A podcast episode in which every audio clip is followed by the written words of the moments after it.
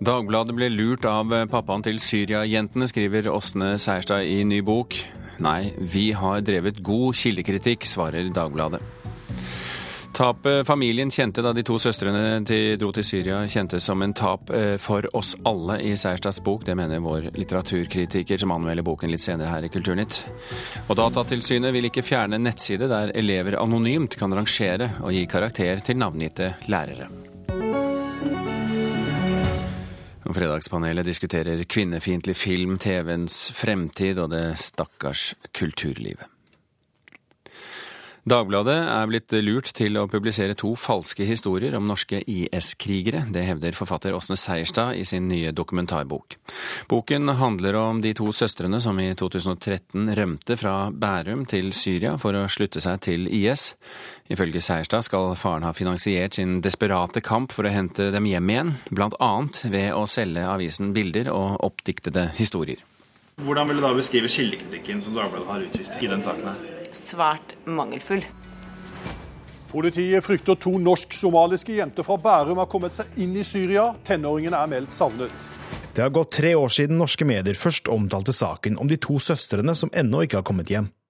I sin nye bok To søstre forteller nå Åsen Seierstad om flukten deres og om farens jakt på dem. I boka kaller hun søstrenes far rent ut dikteren Sadik, og viser til to konkrete Dagbladet-forsider som hun hevder er basert på hans falske tips, noe han selv benekter. Nei, vi lurte ikke. Dere lurte ikke Dagbladet? Nei, absolutt. Vi lurte ikke Dagbladet, og vi lurte ikke eh, andre norske medier. Det er den informasjonen som, eh, er den informasjonen som jeg fikk fra Osman.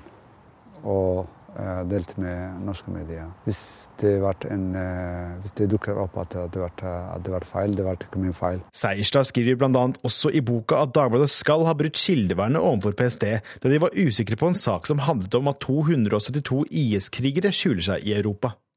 Dette mener avisas nyhetsredaktør Frode Hansen at det er alvorlige anklager. Eh, det fremsettes noen eh, feilaktige opplysninger i boka, og disse opplysningene har ikke Seierstad eller forlaget presentert for Dagbladet konkret. Og vi har heller ikke fått anledning til å korrigere eller kommentere dem. Eh, det stemmer f.eks. ikke at PST avviste de helt sentrale opplysningene i saken og det er selvsagt uriktig, slik det påstås i boka, at Dagbladet har røpet en kilde. Hansen mener også at de ikke har fått muligheten til å gjøre et intervju med Seierstad om det som kommer fram i boka. Åsne Seierstad ringte reporteren i Dagbladet og ba dem bekrefte at en navngitt person var vår kilde. Eh, vi svarte da at vi aldri kommenterer kildeforhold. Så vi har ikke avvist kontakt.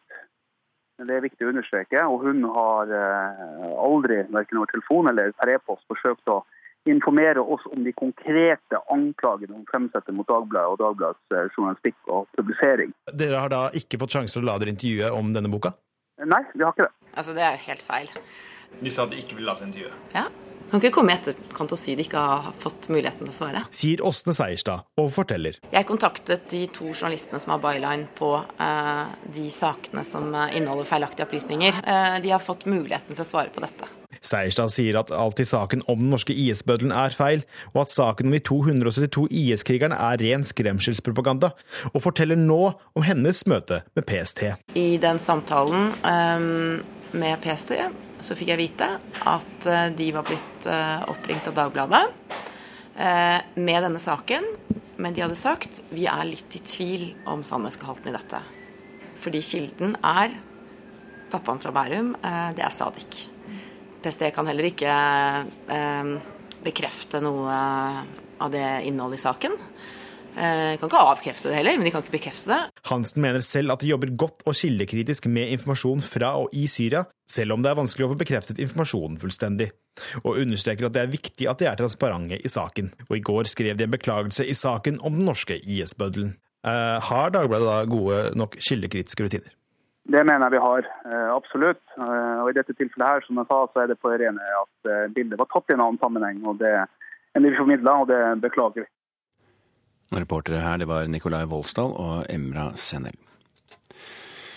Knut HM, litteraturkritiker her i NRK. La oss nå sette denne uenigheten og kritikken av Dagbladet litt til side. Hvor begynner historien i Seierstads bok 'To søstre'? To søstre begynner på uh, jenterommet på Kolsås, hjemme hos denne somaliske familien som tror at de har kommet seg unna borger, borgerkrig i Somalia og skal begynne et nytt og trygt liv eh, i Norge. Men så sitter det to, da, to jenter inne på rommet og holder på som tenåringsjenter gjerne gjør, med et eller annet på internett som foreldrene ikke har helt oversikt over.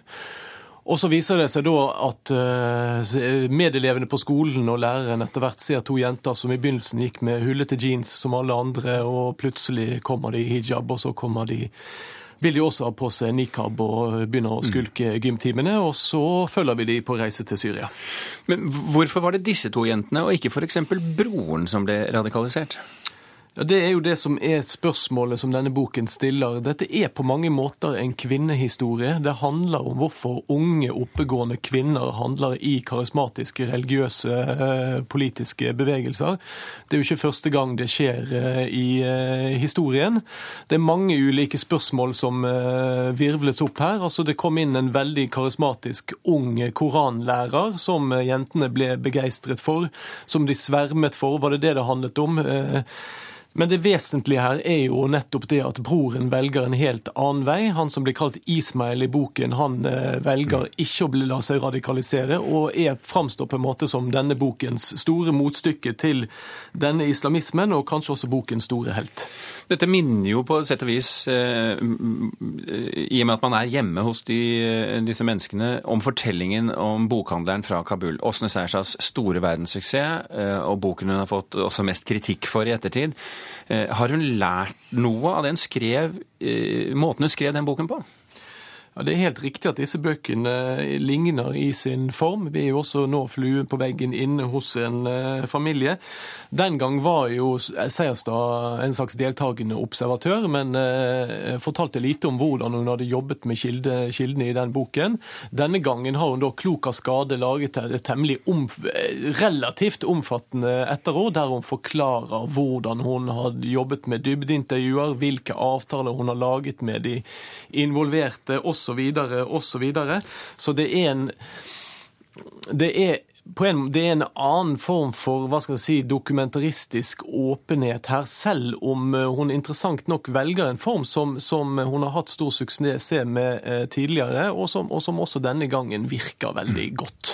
For, for, for, det er jo noen problemer som dukker opp i kjølvannet her. Eh, flere av de som er omtalt, inkludert søstrene, de, de kom jo ikke til orde i hvilken grad ser du det som et problem?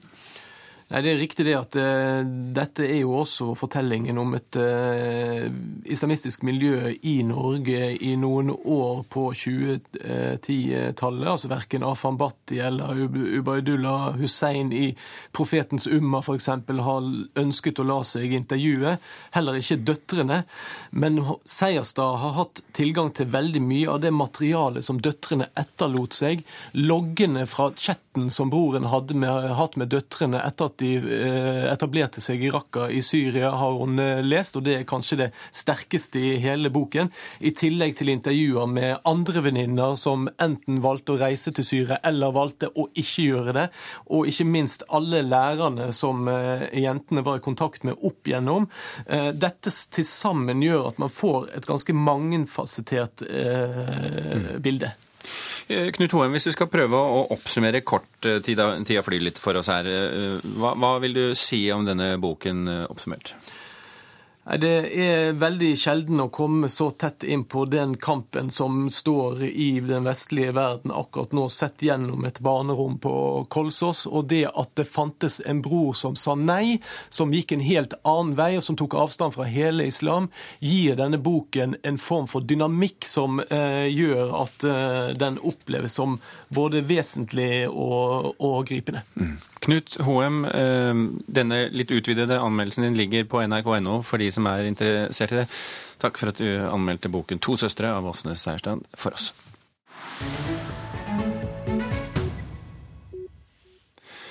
Og så har vi fått inn i studio eh, vår reporter Philip Johannesborg. Eh, du har lest avisene i dag, eh, og hva har de å by på på kulturfeltet? Ja, det stemmer. Jo, tidligere denne høsten ble det kjent at kunstneren Bjarne Melgaard og arkitektfirmaet Snøhetta skal sette i gang med prosjektet A House to Die In. Også kalt da Dødsboligen. Det er altså snakk om et kunstprosjekt i form av et hus på Ekely utenfor Oslo, hvor Edvard Munch eh, bodde de siste årene av hans liv. Så hva har skjedd nå? Jo, etter at eh, Oslos byantikvar godkjente prosjektet, så har det kommet inn totalt 19 klager. Eh, og noen av de som har klaget, er kunstnere som bor i nærheten av skogen. En av de som har signert et klagebrev, er nestleder Halvard Haugerud i Ekelyborets lag. Han sier da til Klassekampen i dag at det å trekke altså det å trekke et så dominerende byggverk så tett inn på Munch vil være ødeleggende for hele området. En av kunstnerne som har klaget, sier i klagen at han vil karakterisere boligen som um, miljøkriminelt, rett og slett. Uh, hva skjer da videre? Jo, Først så skal Byantikvaren vurdere klagene, og etter det så havner det da på Riksantikvaren Jøl Holmes uh, bord, hvor det da blir tatt en endelig avgjørelse. Philip Johannesborg, takk for at du orienterte oss i Kulturnytt.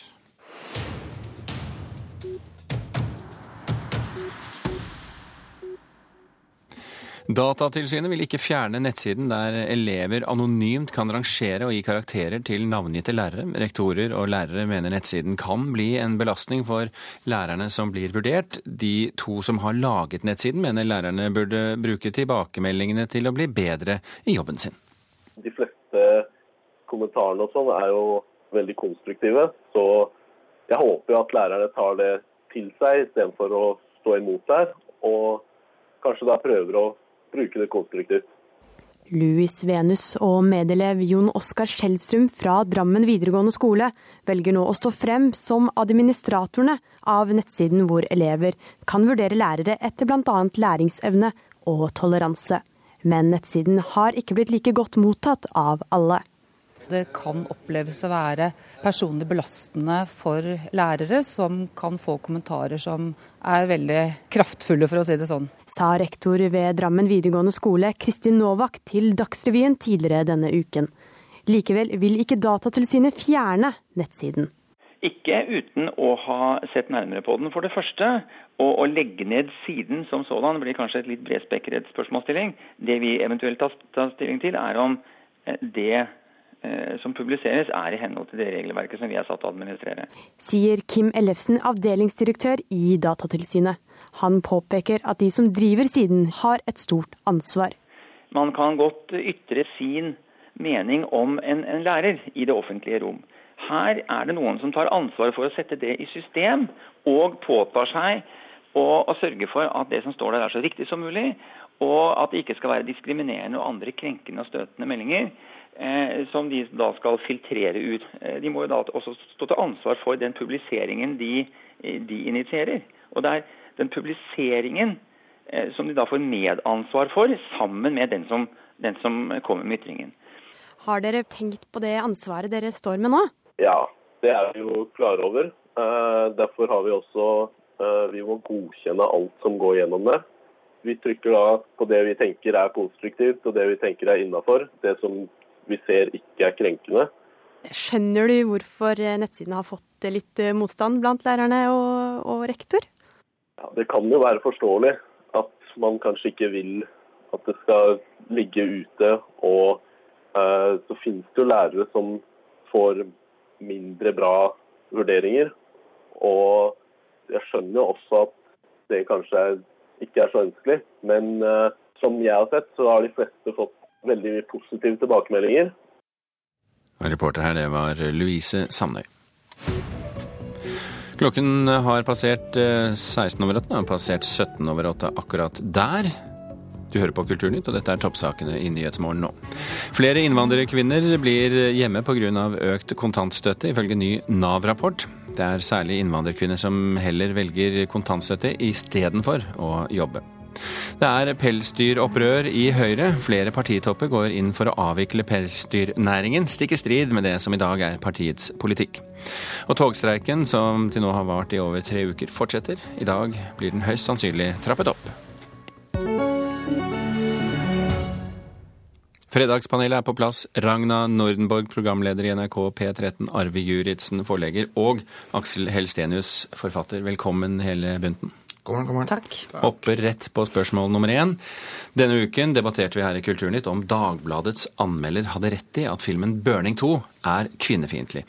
Ikke alle har sett den filmen, så la meg bare kort rekapitulere. 'Burning 2' er en film der en rekke bilgalninger kjører om kapp til Murmansk og bryter 1795 millioner eh, trafikkregler, og der de kvinnelige rollene knapt dreier seg om annet enn å være med på turen.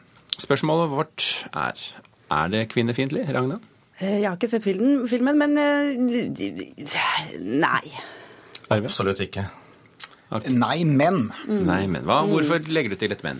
Fordi at altså, filmen eh, startet vi snakket om dette, startet jo som forlystelse på tivoli. Og eh, mange av oss liksom er litt lei for at det er sånn fremdeles. Og det har jo vist seg på en måte nå at, eh, at hvis du går inn på kino og betaler billett, så skal du ha cola, du skal ha popkorn, og du skal ha sterke menn, du skal ha raske biler, du skal ha svære skyttere. Disse mennene skyter jo Ikke i denne filmen, riktignok. Nei, nei, men det er det de skal ha. ma- Masse svartsnuskede. Og liksom disse mennene også store, de inngår erotiske allianser med storbrystede kvinner, ofte blonde, i slutten av 20-årene.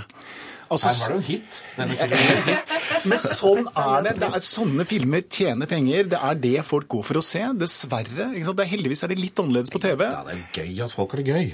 Ja, men da blir det Og det er derfor jeg sier dette lille mennet. For det er ikke kvinnefiendtlig, men det er trist. Med et snev av kvinnefiendtlighet.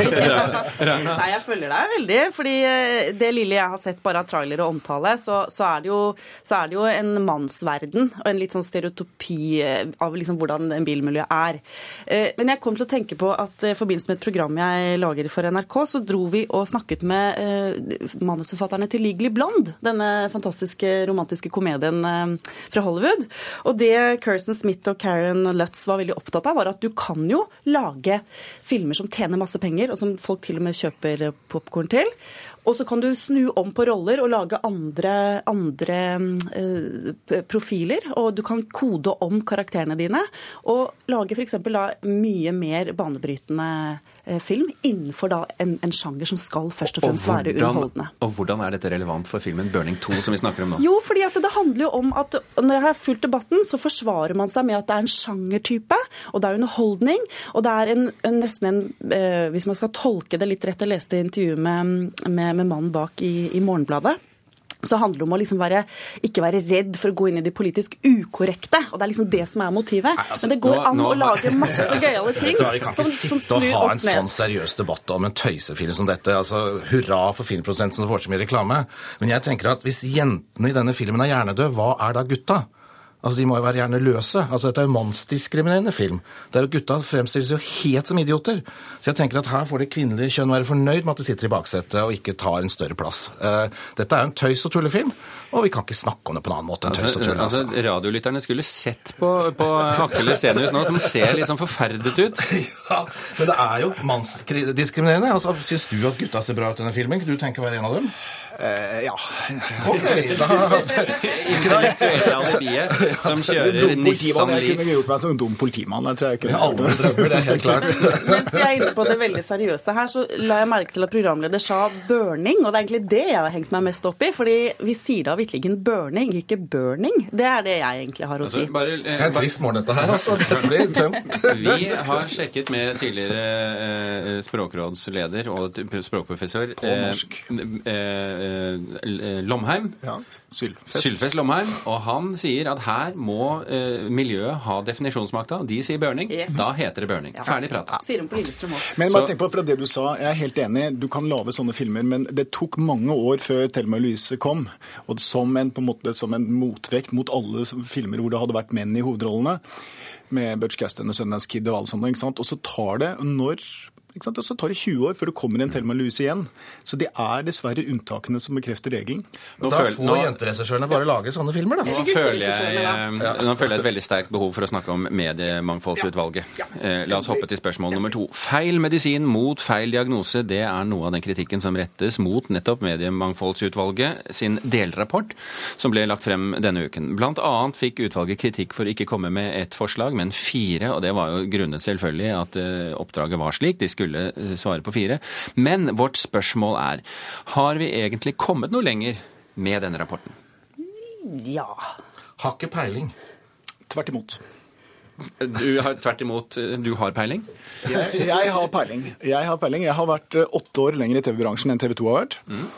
Og jeg bare konstaterer at de lever ikke etter samme motto som jeg har levd. Og får vi se hvem som lever lengst av TV-bransjen. Jeg har hatt hele tiden motto at det eneste som er sikkert i mediebransjen, er at ingenting er sikkert.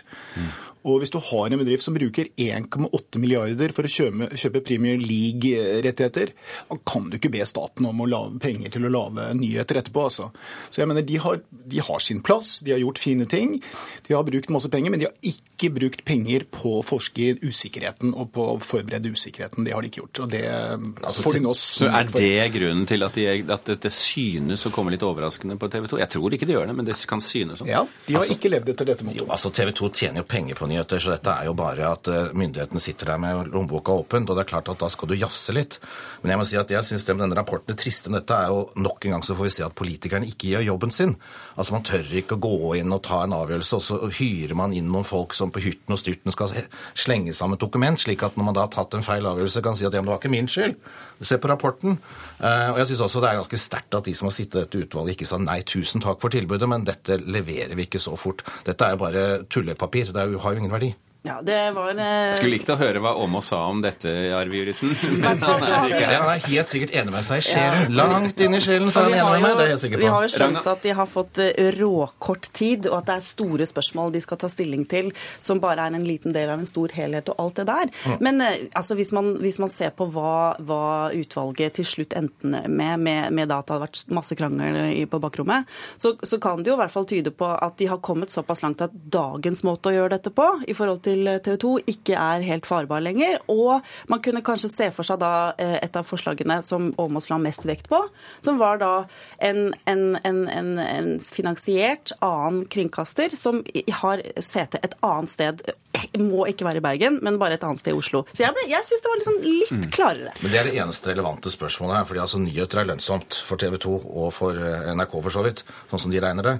Så dette handler jo bare om skal staten fortsatt betale flyregningen til TV 2.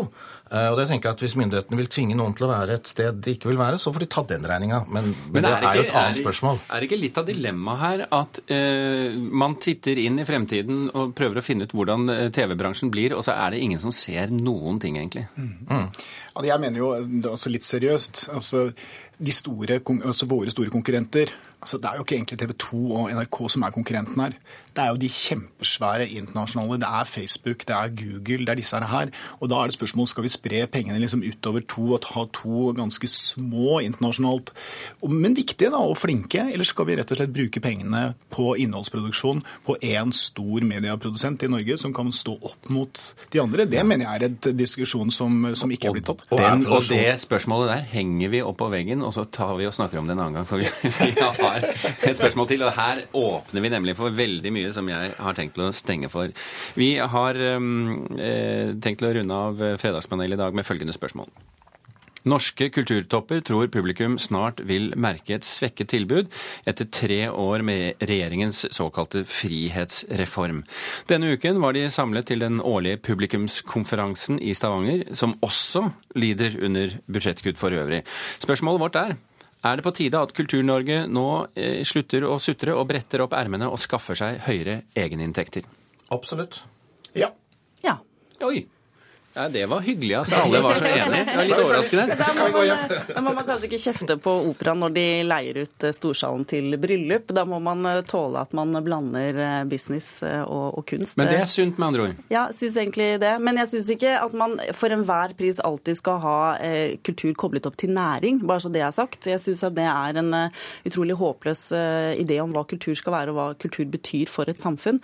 Uh, barn har ekstremt godt av å bli tilbudt, mener jeg, jeg kulturtilbud i skolen gjennom eh, statlige eller kulturelle ordninger som man ikke skal tjene en krone på, som skal bare pælmes inn og etter unger. Så jeg mener ikke at dette skal være konsekvent, men at man må komme trekkende med, med inkonsekvent politikk, ja, kanskje? Fordi, nei, men jeg mener at men det at man må eh, forholde seg til at ja, pensjonsutgiftene går i været, det er forferdelig. Selvfølgelig for økonomene som styrer teaterne. Men det må finnes andre måter. Og da må man eh, tenke, tenke at pengesekken rommer ikke alt det man ønsker. Jeg tenker at Først og fremst så er selvfinansiering viktig for å få ned en del av den unødvendige administrasjonen som jeg synes er i Kultur-Norge. Det er altfor mange statlige midler som går til kontorer og små utvalg og alt mulig rart som ikke kreerer noe som helst for publikum. Så det at de må skaffe mer penger selv, tenker jeg kanskje får bort en del av det. Og at vi dermed kan få mer kunst og kultur som treffer folk. Ja, Hvordan gjør man det? Legger ned en del av alle disse administrasjonene og kuratorene og alle synserne og alle de som sitter og, og jafser på kulturen uten Ja, ja, ja. egentlig å produsere noe. Kuratorene er jo nødvendig for, for kulturen. Da, Arve Ja, jeg syns det var et fint ord som de kan liksom finansiere seg selv heretter. Kuratorer for selvfinansiering. Nei, men altså, jeg, det er jo, Dette her har jo skjedd før også. Jeg husker på, på etter krigen. Jeg husker ikke det, men jeg har lest om det. Altså, norsk film Det er fremdeles etter krigen. Ja, altså, like etter krigen. Så hadde, så hadde ikke norsk film råd til å produsere filmer fordi hele budsjettet gikk på å bare opprettholde driften av, av en institusjon. Og det er det vi ser litt nå. Vi bygger dyrere og dyrere kulturhus. Det koster mye mer og mer, for det koster enormt å bygge dem, enormt å drifte dem. Og ingen plan hva det skal fylles med. Nei, og det, er, det, det må vi slutte med. Vi må bruke mer av disse pengene til rett og slett kulturproduksjon. Og jo større kulturproduksjon vi har, jo større sjansen for at vi kan generere penger og tjene penger på den kulturproduksjonen. Det er viktig. altså. Men er det du nå sier, at den, de siste ti års eh, kulturpolitikk rett og slett er feilslått?